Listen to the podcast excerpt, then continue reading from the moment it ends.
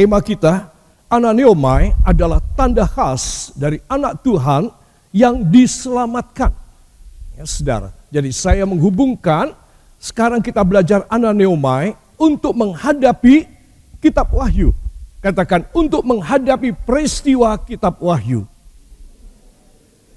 Maka saya harus mengenakan manusia yang baru. Saya harus getting young again saya harus dimudahkan kembali oleh kuasa Roh Kudus, ya. Nah, saya undang kita bangkit berdiri sekali lagi dan kita akan membaca tiga buah ayat ini. Wahyu pasal yang ke-16 para kekasih. Ayat yang ke-17, 20 dan 21. Satu, dua. Dan malaikat yang ketujuh menumpahkan cawannya ke angkasa dan dari dalam bait suci Kedengaranlah suara yang nyaring dari takhta itu katanya, sudah terlaksana 20. Dan semua pulau hilang lenyap dan tidak ditemukan lagi gunung-gunung. Dan hujan es besar seberat 100 pon jatuh dari langit menimpa manusia dan manusia menghujat Allah karena malapetaka hujan es itu sebab malapetaka itu sangat dahsyat. Amin.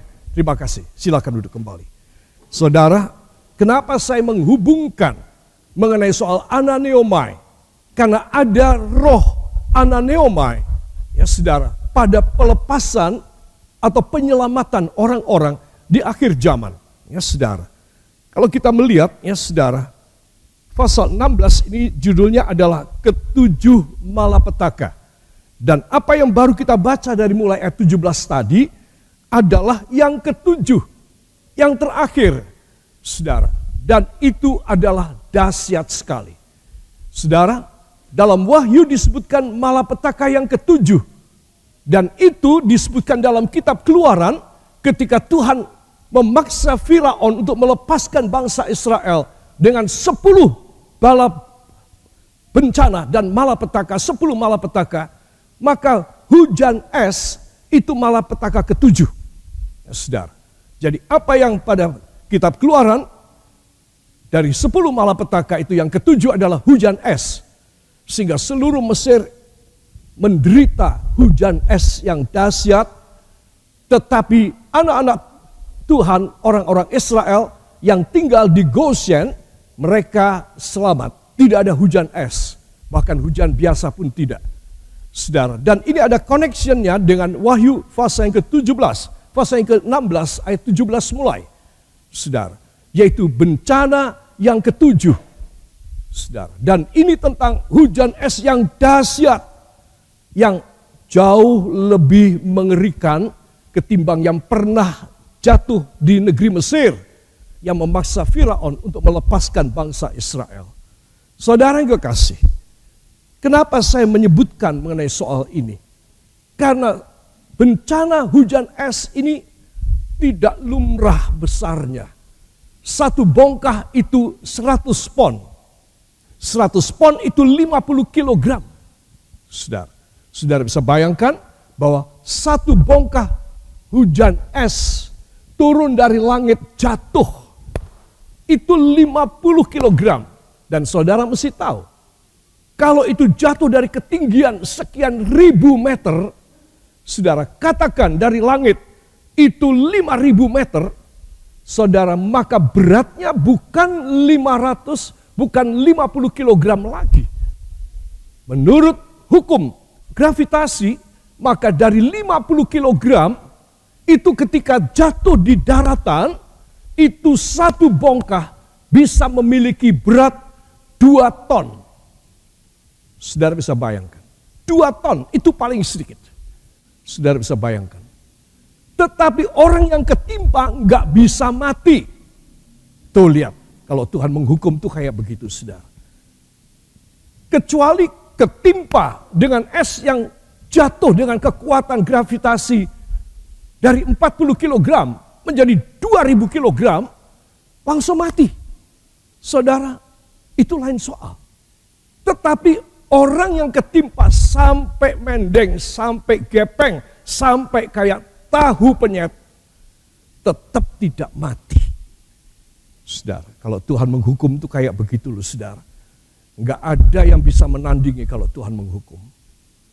Saudara, perhatikan.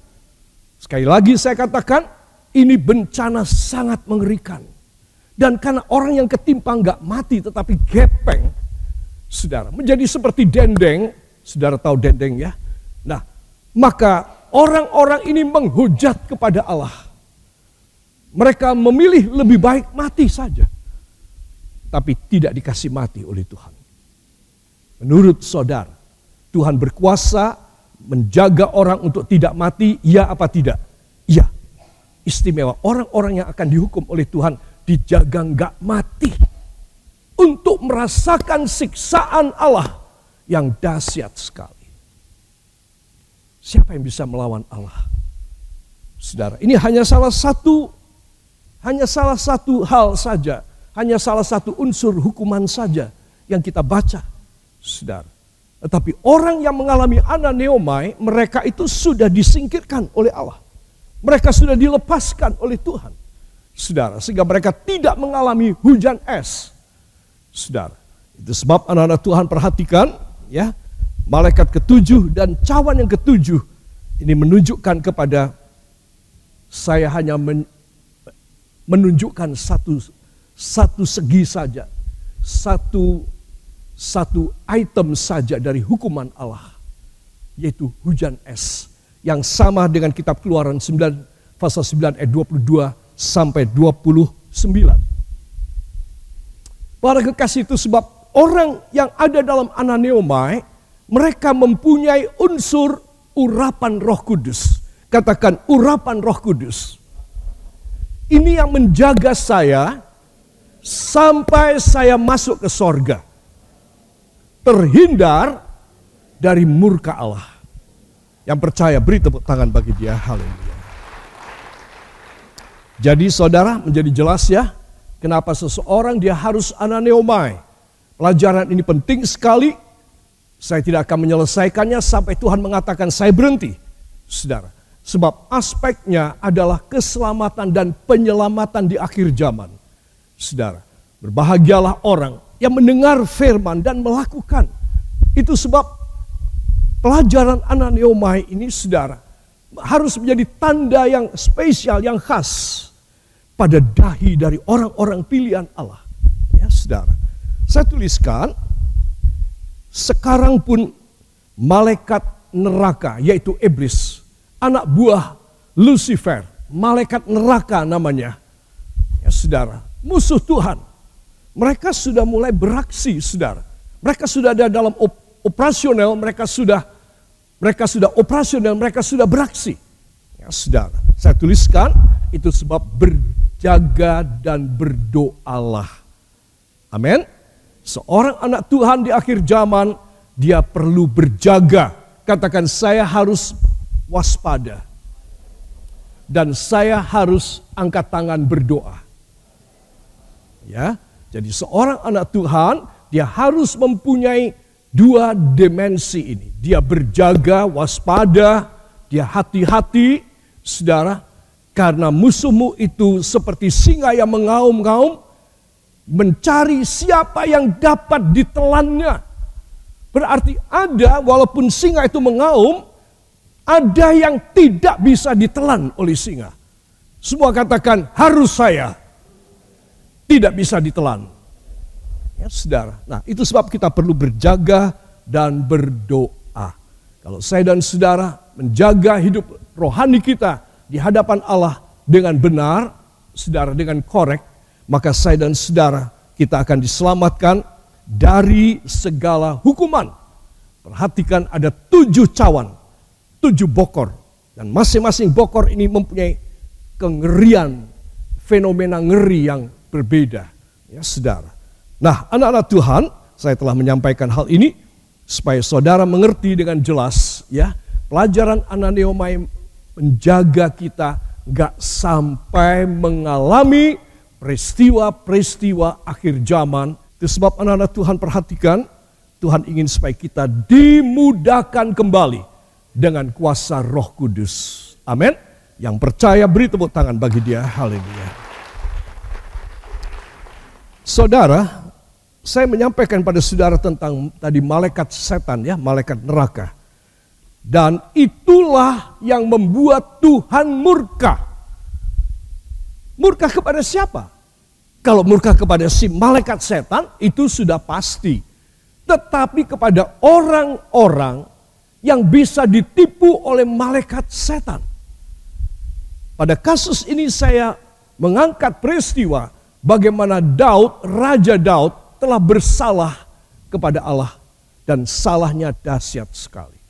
Itu sebab Allah mengirim malaikat maut, ya. Malaikat maut ini ya, saudara saya saya tidak tahu apakah wajahnya benar enggak ini, malaikat maut. Dan dia membawa pedang. Ya, saudara, pedang yang terhunus. Saudara, malaikat maut terpaksa diutus oleh Allah. Saudara, kepada siapa? Kepada Daud. Dan karena Tuhan itu menyayangi Daud, maka bukan Daud yang dihukum, tetapi rakyatnya yang dihukum. Dengan apa? Dengan tiga hari pestilensi. Semacam COVID yang dahsyat, wabah tiga hari. 70 ribu bangsa Israel dalam tiga hari mati kena penyakit ini. Dan Daud cuma bisa menangis saja karena kesalahan dia. Dia disayang oleh Tuhan. Tetapi rakyat itu terpaksa harus membayar harga kesalahan dari rajanya. Saudara. Nah, malaikat maut terpaksa diutus kepada Daud. Tetapi Tuhan menutup, menudungkan tangannya kepada Daud. Dan Tuhan mengutus itu malaikat maut tidak boleh dekat kepada Daud. Saudara, hebat sekali ya. Cintanya Tuhan kepada Daud Kok bisa segitunya? Nah ini yang kita harus mikir saudara. Kalau kita tidak kepikiran kenapa Tuhan itu menyayangi Daud padahal yang salah itu Daud. Apa salahnya Daud? Salahnya Daud memerintahkan kepada jenderal-jenderalnya Abner dan Yoab untuk menghitung berapa jumlah tentara. Ah, masa menghitung gitu aja salah sih?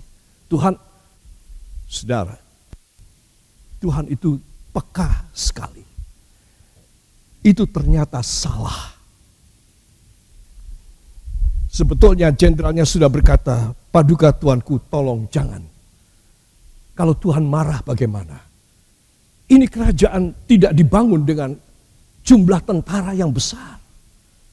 Ini kerajaan Israel dibangun oleh karena kasih karunia Allah. Oleh karena penjagaan dari Tuhan sehingga raja-raja semua pada takut dan kirim upeti kepada raja. Kalau tuanku Raja Daud menghitung jumlah tentara, kalau Tuhan marah gimana?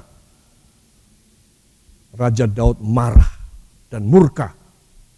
Pergi sekarang, hitung. Dia perintahkan dan jenderalnya tidak bisa apa-apa. Dihitunglah. Saudara yang kekasih, dalam kasus ini Daud tidak peka dia cuma ingin menyombongkan dirinya saja. Wah pantas aku punya tentara segini banyak. Sekian ratus ribu. Di jumlah lebih dari 500 ribu orang. Saudara, kayak apa bangganya dia? Saudara, dan saya yakin dia mempunyai tujuan untuk itu disebarkan melalui dia punya cara kepada raja-raja dan kerajaan-kerajaan lain supaya mereka lebih baik takut daripada berani kepada Daud. Padahal yang membuat raja-raja ini takut adalah Allah, bukan jumlah. Amin. Jadi kalau saudara dan saya mempunyai pikiran seperti Daud, saudara kita akan salah. Sesungguhnya Tuhanlah yang turun tangan membela kerajaan Israel. Ya, saudara. Tetapi sayang Daud tidak menyadari pada waktu itu. Meskipun dia salah, ini istimewanya Tuhan. Meskipun Daud salah, harus dihukum. Tetapi Tuhan mengalihkan hukuman kepada rakyatnya. Saudara, saya memberitahu kepada saudara supaya saudara paham bahwa jalan pikiran Allah inilah yang saya harus bisa nangkap. Saudara. Sebab kalau saya tidak bisa nangkap, saya bisa keliru menginterpretasikan. Saya bisa keliru menanggapi pikiran Allah. Ya, saudara, sebab itu saya perlu menyebut uh, menuliskan hal ini. Kesalahan Raja Daud dalam angka dari satu Tawarikh 21. Orang dalam per, dalam penghitungan Israel ada 1,1 juta. Yehuda ada 470 ribu. Ya, saudara. Jadi saudara kan bisa melihat ya. Jadi 1,57 juta. Hebat loh, saudara ya, hebat. Kemudian jenderalnya Yoab tidak memasukkan dua suku bangsa ini. Yaitu Benyamin dan Lewi. Dia sudah menghitung, tapi dia tidak mau laporkan kepada raja. Kenapa? Karena dia khawatir, wah kalau nanti dilaporkan jumlahnya tambah membengkak. Lebih dari satu setengah juta orang tentara. Bisa dua juta orang. Nanti rajaku bisa besar kepala. Jadi dia diam-diam dia tidak melaporkan Lewi dan Benyamin. Sudah. Ya sudah tentu ini jenderal yang bijak sekali ya saudara. Sebab khawatir Daud bisa makin angkuh. Saudara, hukuman Allah yang harus Daud pilih. Akhirnya Tuhan mengutus hambanya, saudara, dan memberikan tiga pilihan. Ya, saudara, saudara bisa baca nanti di 1 Tawarikh 21 ya. Pilihan pertama, tiga tahun rakyatnya kelaparan. Menurut saudara, kalau rakyat itu tiga tahun kelaparan, lalu penduduknya menjadi berkurang, maka kerajaan ini akan hancur. Ya, saudara. Raja-raja berani datang menginvasi Israel. Berani kepada Daud. Kenapa? Karena rakyatnya tiga tahun kelaparan, tidak makan pada mati satu hari berapa ratus orang atau berapa ribu orang. Saudara, saudara bisa bayangkan, belum selesai masa hukuman tiga tahun kelaparan, barangkali sudah tidak ada lagi kekuatan. Tentara-tentara juga ikut mati karena tidak makan. Saudara, ini pilihan pertama. Ya, saudara, pilihan yang kedua, tiga bulan Daud dikejar oleh pedang sampai selama tiga bulan dia harus melarikan diri dalam hutan dan dia harus tidur di hutan. Ini pilihan kedua, ya, saudara. Dan pilihan yang ketiga, tiga hari pedang Allah dihunus. Tadi malaikatnya tadi malaikat maut. Dan itu yang Tuhan pilihkan. Daud mengatakan, aku tidak bisa memilih. Karena aku telah bersalah biarlah aku jatuh ke dalam tangan Allah dan jangan jatuh ke dalam tangan manusia. Karena aku tahu tangan Tuhan penuh dengan belas kasih kepadaku. Lihat, ya. Daud menyadari dia salah. Dan dia pilih jatuhkan diri kepada Allah. Dan dia minta supaya jangan sampai dia jatuh kepada manusia. Saudara. Lalu Tuhan dalam sekejap memilihkan pilihan nomor tiga. Nah tadi itu yang gambarnya malaikat maut. Ya saudara. Dan Tuhan mengirim malaikat maut ini, saudara, untuk datang dengan pedang terhunus dan dia menyabet dalam tiga hari 70 ribu orang mati. Saudara.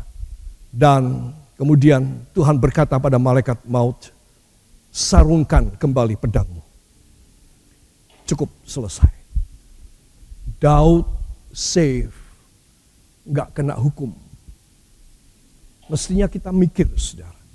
Kenapa ada orang salah begini besar, kok tidak dihukum ya sama Tuhan? Aku kepingin ya kayak begitu. Berbuat salah tidak dihukum. Saudara.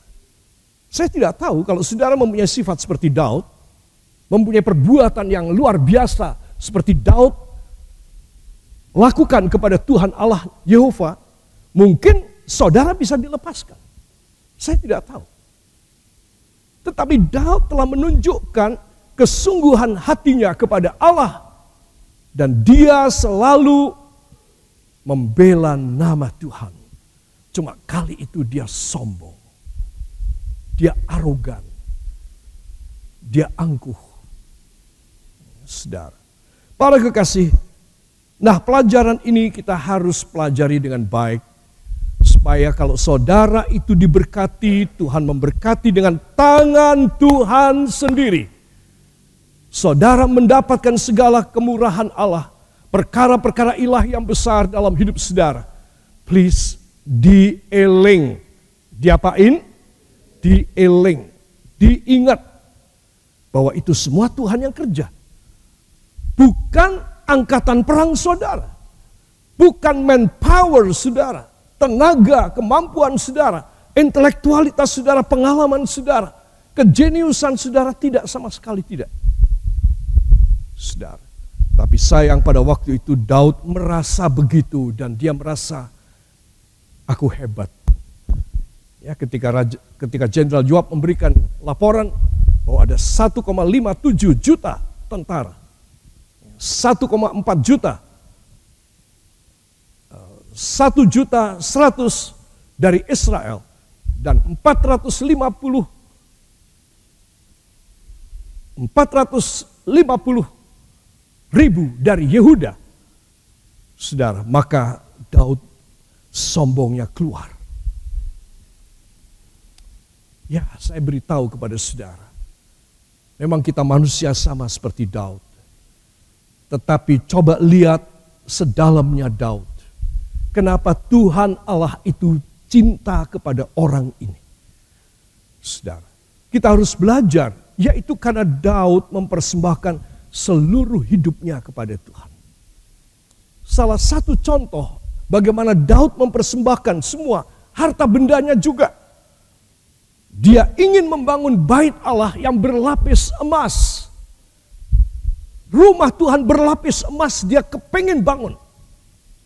Saya yakin dia sudah menyiapkan dan memang sudah disiapkan. Baik harta benda dia sebagai raja, persediaannya emas yang sekian ton. Dia masih minta kepada rakyat untuk memberikan korban emas. Dan rakyat berbondong-bondong di lapangan alun-alun depan istana menumpahkan emas mereka masing-masing sehingga jadi gunungan emas begitu banyak. Daud sudah menyiapkan, saudara. Kemudian datanglah Tuhan memberi perintah kepada seorang visioner, seorang pelihat yaitu Nathan. Dan kemudian Nathan berkata kepada Daud, Raja, Tuhan berkata kepadaku bahwa kamu tidak boleh membangun rumah Allah. Karena tanganmu berlepotan dengan darah Nanti anakmu Salomo yang akan membangun. Saudara, dan Daud gelo sekali. Dia sudah menyiapkan semua materi yaitu emas. Tapi dia tidak boleh membangun. Saudara yang kekasih, sering kali saya dan saudara kurang sadar bahwa kita ini belum layak. Tapi kita ingin seperti layak sekali. Nah ini satu dosa loh saudara. Rasul Paulus mengatakan dalam surat 1 Korintus, janganlah kamu ngelunjak.